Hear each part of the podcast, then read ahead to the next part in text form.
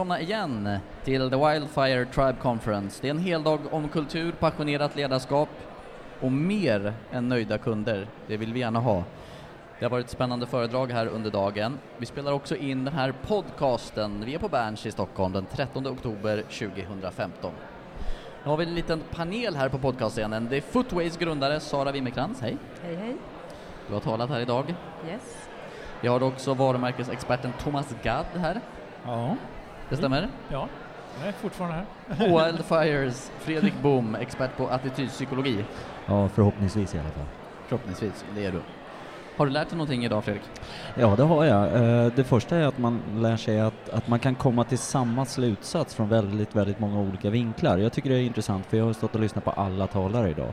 Väldigt mycket av budskapen kommer tillbaka gång på gång. Man har gjort erfarenheterna på olika områden, men man landar på något sätt i samma slutsats. Det tycker jag är häftigt, för för mig blir det mer sant. Thomas Gadd, håller du med? Ja, jag tycker mycket så. Det är väldigt roligt att höra om de här verklighetshistorierna. Va? Om det, man verkligen kommer gör grejer och, och små saker som egentligen har stor betydelse symboliskt för att liksom driva företagskulturen framåt. Sara Wimmerkrantz då, uppväxt i Ikea-land, Mm. småländska Älmhult, Precis. präglad uppväxt av att lösa problem och citat garva medan man gör det. Ja, det ligger ju lite i smålänningars DNA det här. Ingenting är rätt.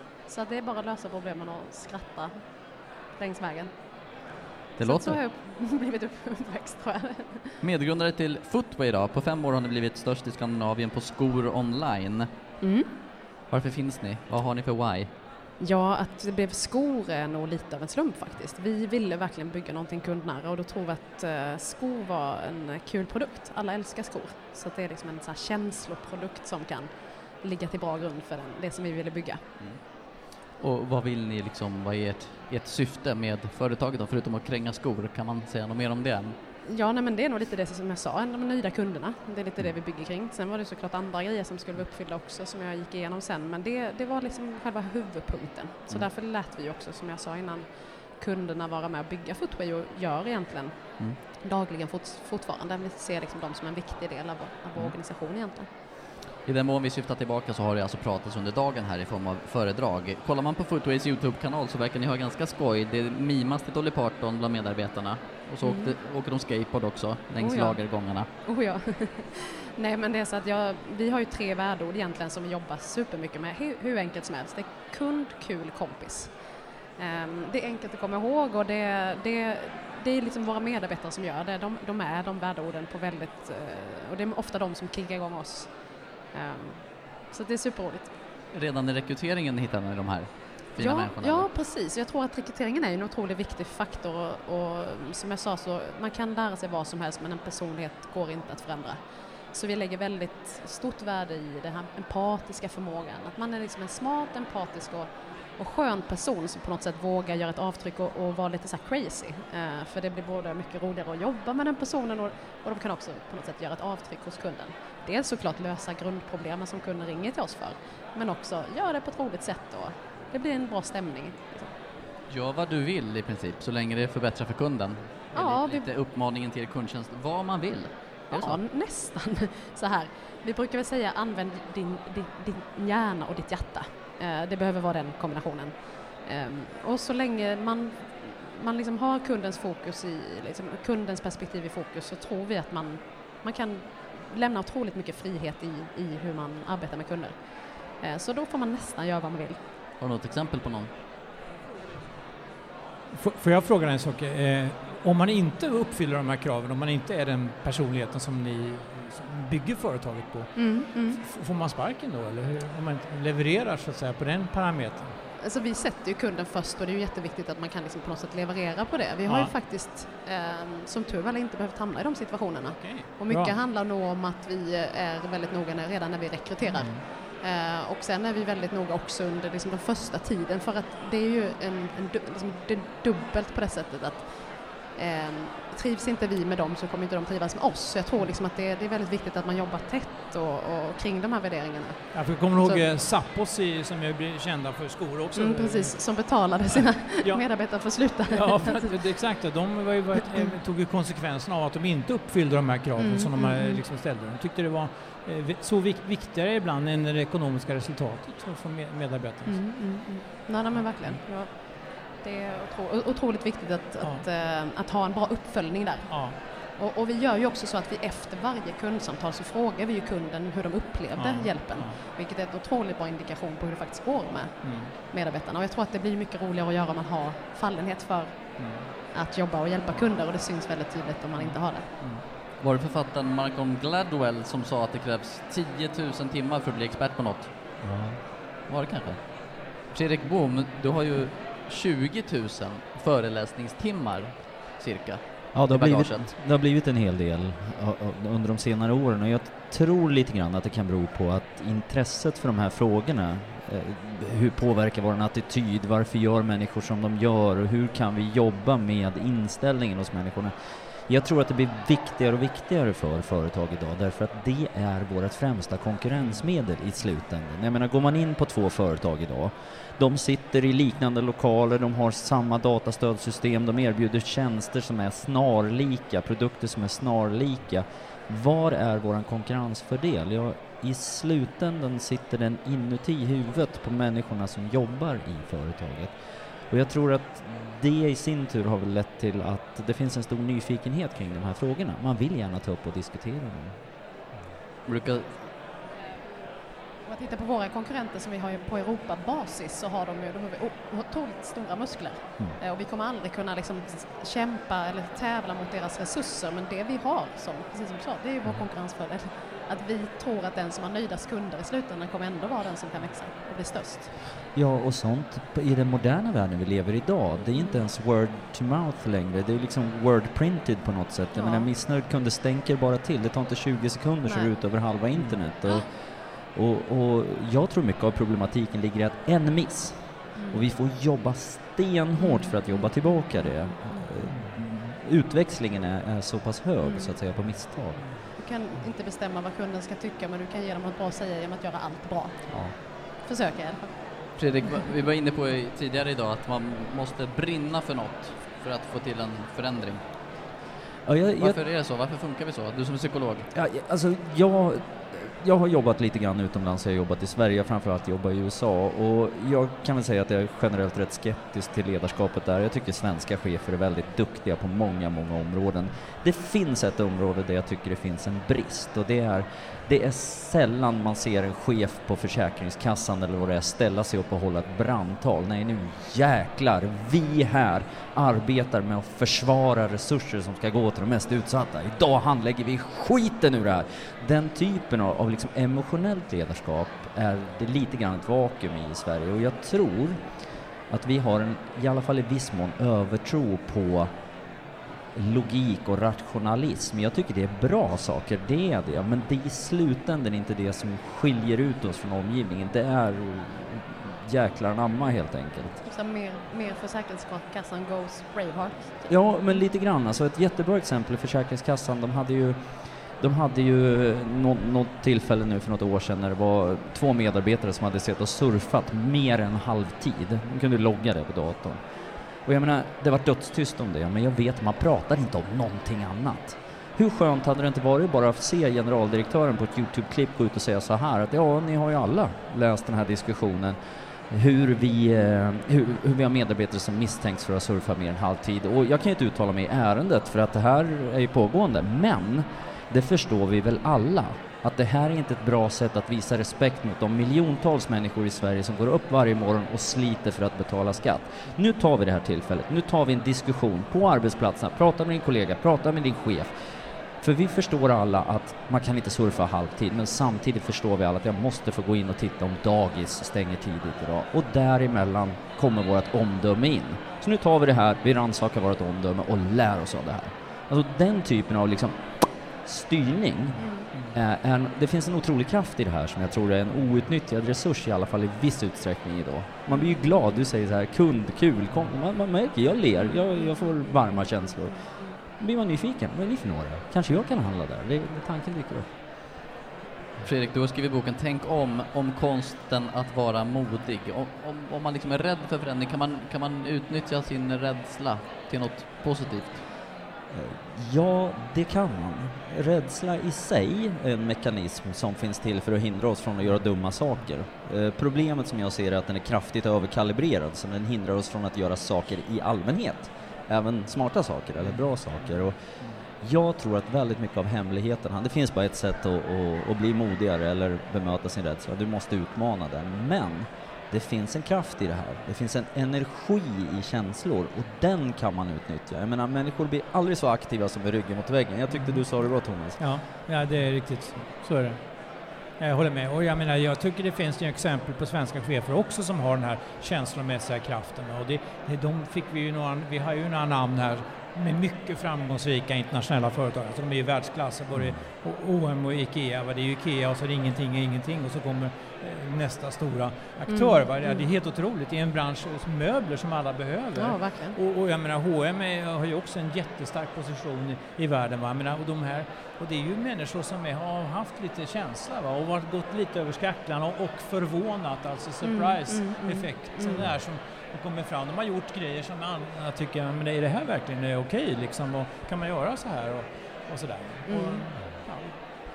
Och det var ju flera som var inne på det här också, att agera exempel, att verkligen vara Ja, sin att, kultur. Att, att leva sin kultur. Ja, och där kan man, jag, eftersom jag kommer från Älmhult då, jag har ju liksom Ja. sprungit på Kamprad, det gör alla, och det är på riktigt han är. Precis sådär som Och- och- och som det här ser man i- och, Living the brand. och det här ser man i USA. Mm. Eh, Där finns det den typen av chefer. D- Där Mm. har man det i entreprenörsrollen så att säga. Den, den förväntas nästan ha. Och det, det, ibland har jag, har jag haft amerikanska kunder och sådär som har kommit till mig och sagt att jag känner inte att jag kan leva upp riktigt till den här förväntningen om hur man ska vara alltså som en chef i USA liksom på något sätt. Va?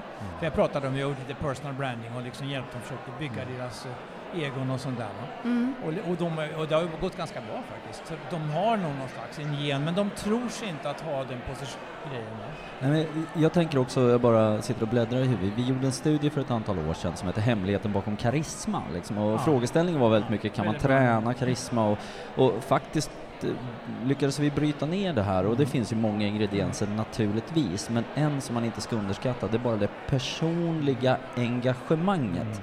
Alltså, jag brukar säga till chefer att det finns hundra variabler som avgör om du är bra eller dålig chef, men en kommer du aldrig undan. Du måste väldigt tydligt visa att du vill vara här. Du vill vara chef.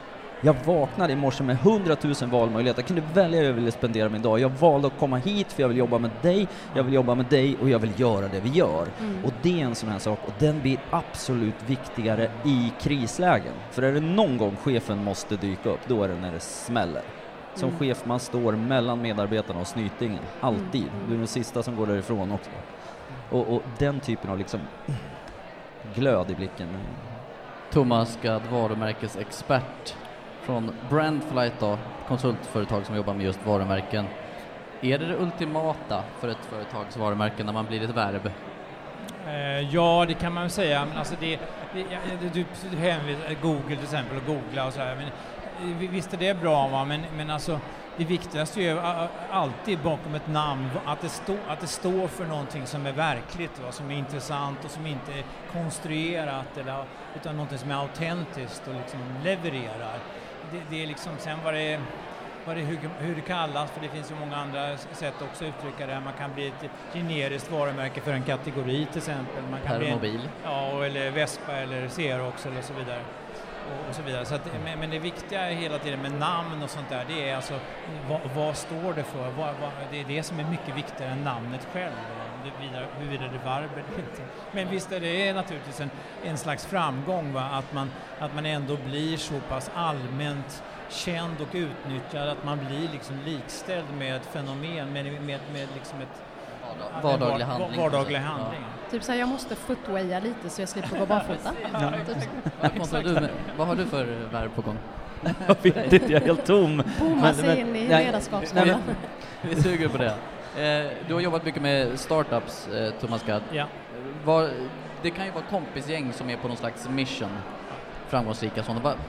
Vi hör ju inte så mycket om de som inte lyckas. Vad, vad kännetecknar de som lyckas då, tycker du? Finns det någon röd Eh, tråd? det, det som kännetecknar de lyckas, som lyckas det är, är ganska tydligt och klart. De förstår de verkliga behoven hos kunderna. Och det här är det som är så bisarrt att många tror, man, tror att de förstår bara för att de själva har varit konsument någon gång. Men i det ögonblick man lämnar konsumentskapet och blir en, en så att säga leverantör då, då ändrar man perspektiv. Om, om man blir fångad i, i tekniklösningar och liksom, liksom no, hittar något annorlunda, någonting annat som finns på marknaden. Det visar sig att de mest framgångsrika eh, är de som gör exakt samma sak som någon annan har gjort på marknaden. Och det tycker VC är lite problematiskt när de sitter i sådana här paneler, jag sitter ibland, eh, för att de kommer, ja men det finns ju någon annan som gör samma sak. Ja, och jag säger då, oftast är jag den sista i panelen, alla de här med, med pengar har pratat, då, då pratar, säger jag, ja men det är, ju, det är ju faktiskt så att om man tittar på de verkligt framgångsrika företagen så har de gjort exakt samma sak i stort sett som, som andra. Det är bara att de har gjort det bättre och annorlunda. Och, och det här bättre och annorlunda, det är det jag kollar på. Jag, jag, bryr mig inte om om det finns tio som har gjort i, i samma bransch. För tittar man på Google som vi nämnde så gjorde de exakt samma sak som deras konkurrenter men de gjorde det bättre och annorlunda. Och därmed tog, sopar de marknaden helt ren från alla andra. Så det finns, det finns många andra exempel också. Stammar pratar vi om idag. Eh, man kanske tänker på Apple. Du har ju haft insyn i Siri-projektet. Ja, ja, Eh, skulle du säga att kulturen lever kvar inom Apple trots Steves frånvaro? Ja, det tror jag. Och, och, min eh, kontaktperson där eh, var, var en av de här kretsen kring Steve Jobs. Och hon berättar ju eh, att stories liksom och sånt där. Och hon säger ju att mycket av den här andan finns kvar. Nu har det dock blivit mera sådana här CIA-typer som har dykt upp för säkerhetsfrågorna är så viktiga. Det är säkerheten, alltså inte sprida nyheter för tidigt för det är, företaget är så stort nu och en nyhet påverkar aktiekurser och sådana grejer. Plus att man är ju, lever ju på en konkurrensmarknad där man liksom inte vill att folk ska veta vad man gör och sånt där. Så det har blivit lite så här mera, eh, kan man säga, eh, skyddad eh, värld. Och, och, men kulturen inne i Apple skulle jag säga är jättestark.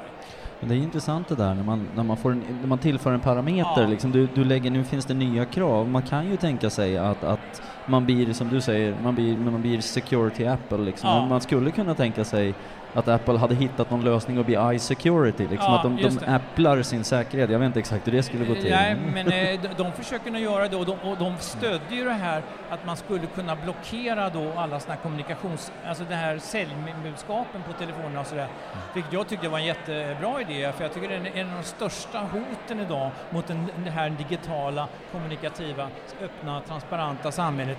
Det är just det här spammandet va, som ju håller på att knäcka hela liksom Man kan ju inte, snart inte eh, använda sitt, sin mail va? för att det liksom, man plöjer sig fram genom de här spammen. Va? Och, och jag har försökt på olika sätt, nu ska jag försöka byta till Google för Google har ju ett intresse att hålla borta de här säljande för de säljer ju själva, de har ju en, en säljkanal. Så jag tror, jag har bara en illusion att Google är bättre på det här. Alltså det är ju den här världen vi lever i idag. Liksom. Vi lever ju i en mogen eh, digital värld nu. Och, och då, då är det nya problem som dyker upp av den här typen va, som är viktiga. Spam, spam, spam. Ja. Thomas Gadd sa detta. Sara Wimmerkrans då, spaning inför framtiden. Har du någonting som, som du tänker på? Tung fråga. Så här, jag tror att ingen vet hur framtiden kommer att se ut. Vi hade ju ingen aning om Det- för tio år sedan hur, det så skulle, hur mycket liksom, mobil användning, hur mycket köp som skulle genomföras på mobilen. Det är en uppsjö av saker som har lämnat oss chockade idag. Så jag tror så här att den som kommer att eh, vara mest framgångsrik om tio år är den som är mest snabbförändlig och är närmast sin kund. Om det duger som en framtidsspaning så eh, får jag nog stanna där. Ja, just det, ja, det var bra. Eh, jo, ehm, nu man pratar ju väldigt mycket om, om disruption just nu. Ehm, du pratar lite om VC och det är väldigt mycket så det kommer ett nytt bolag och ska disrupta en, en gammal bransch och ta över den här gamla bran branschens kunder. Ehm, men det man ofta glömmer är ju att det är ju ett bolag som har hittat ett sätt att göra den gamla branschens kunder nöjdare. Exakt. Eh, och det Exakt tycker jag är det. lite intressant. Man, nu sitter bankerna och bara, men herregud, det är hur många bolag som helst inom fintech Ja. som bara snor våra kunder. Ja, men vilken bankkund är nöjd? Mm. Exakt. Det- Precis, det- och varför öppnar ni för att de ska sno dem? Precis, Varför här, inte ni... pröva din egen, alltså ompröva din egen affärsmodell innan någon annan gör det. Mm. Det tror jag. Jag tror jag liksom- absolut, och, och, och den här disruption är intressant för det är ju den här surprise-effekten som jag pratar mycket om. Det att, att man måste eh, förvåna, man gör en, bryta ett mönster och så vidare. Det, Mm. det som är förväntad, ex, ex, expected och sådär, man måste göra det. Och det, det tror jag, är- det, det tror jag kommer vara jätteviktigt i framtiden för att det kommer bli så- många konkurrenter som Mm. kan göra samma sak. Va? Mm. Så det gäller de som bryter det här mönstret, som vågar någonting, som vågar vara annorlunda, som vågar vara eh, liksom eh, uppmärk- eh, vara- d- ha en egen idé va, och så. Det tror jag. Fredrik, tänker du något inför framtiden? Ja, man får väl kanske avsluta med en liten fyrkantig not där, men inom mitt område, inom psykologin, så gör vetenskapen idag fruktansvärda framsteg med hjälp av big data och annat, så att, som gör att jag tror att i framtiden så kommer sådana här saker som att styra känslor eller, eller värderingar eller reaktioner, det kommer att vara mycket, mycket mer av vetenskap än idag är det ju i hög grad en konstform.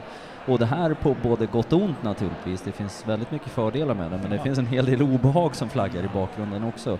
Så att eh, jag tror att, att pratar vi, sitter vi och pratar och har en sån här diskussion om, om tio år så, så är det väldigt mycket matematik i den. Vi vet tämligen väl vad som får människor att göra val och varför de reagerar som de gör.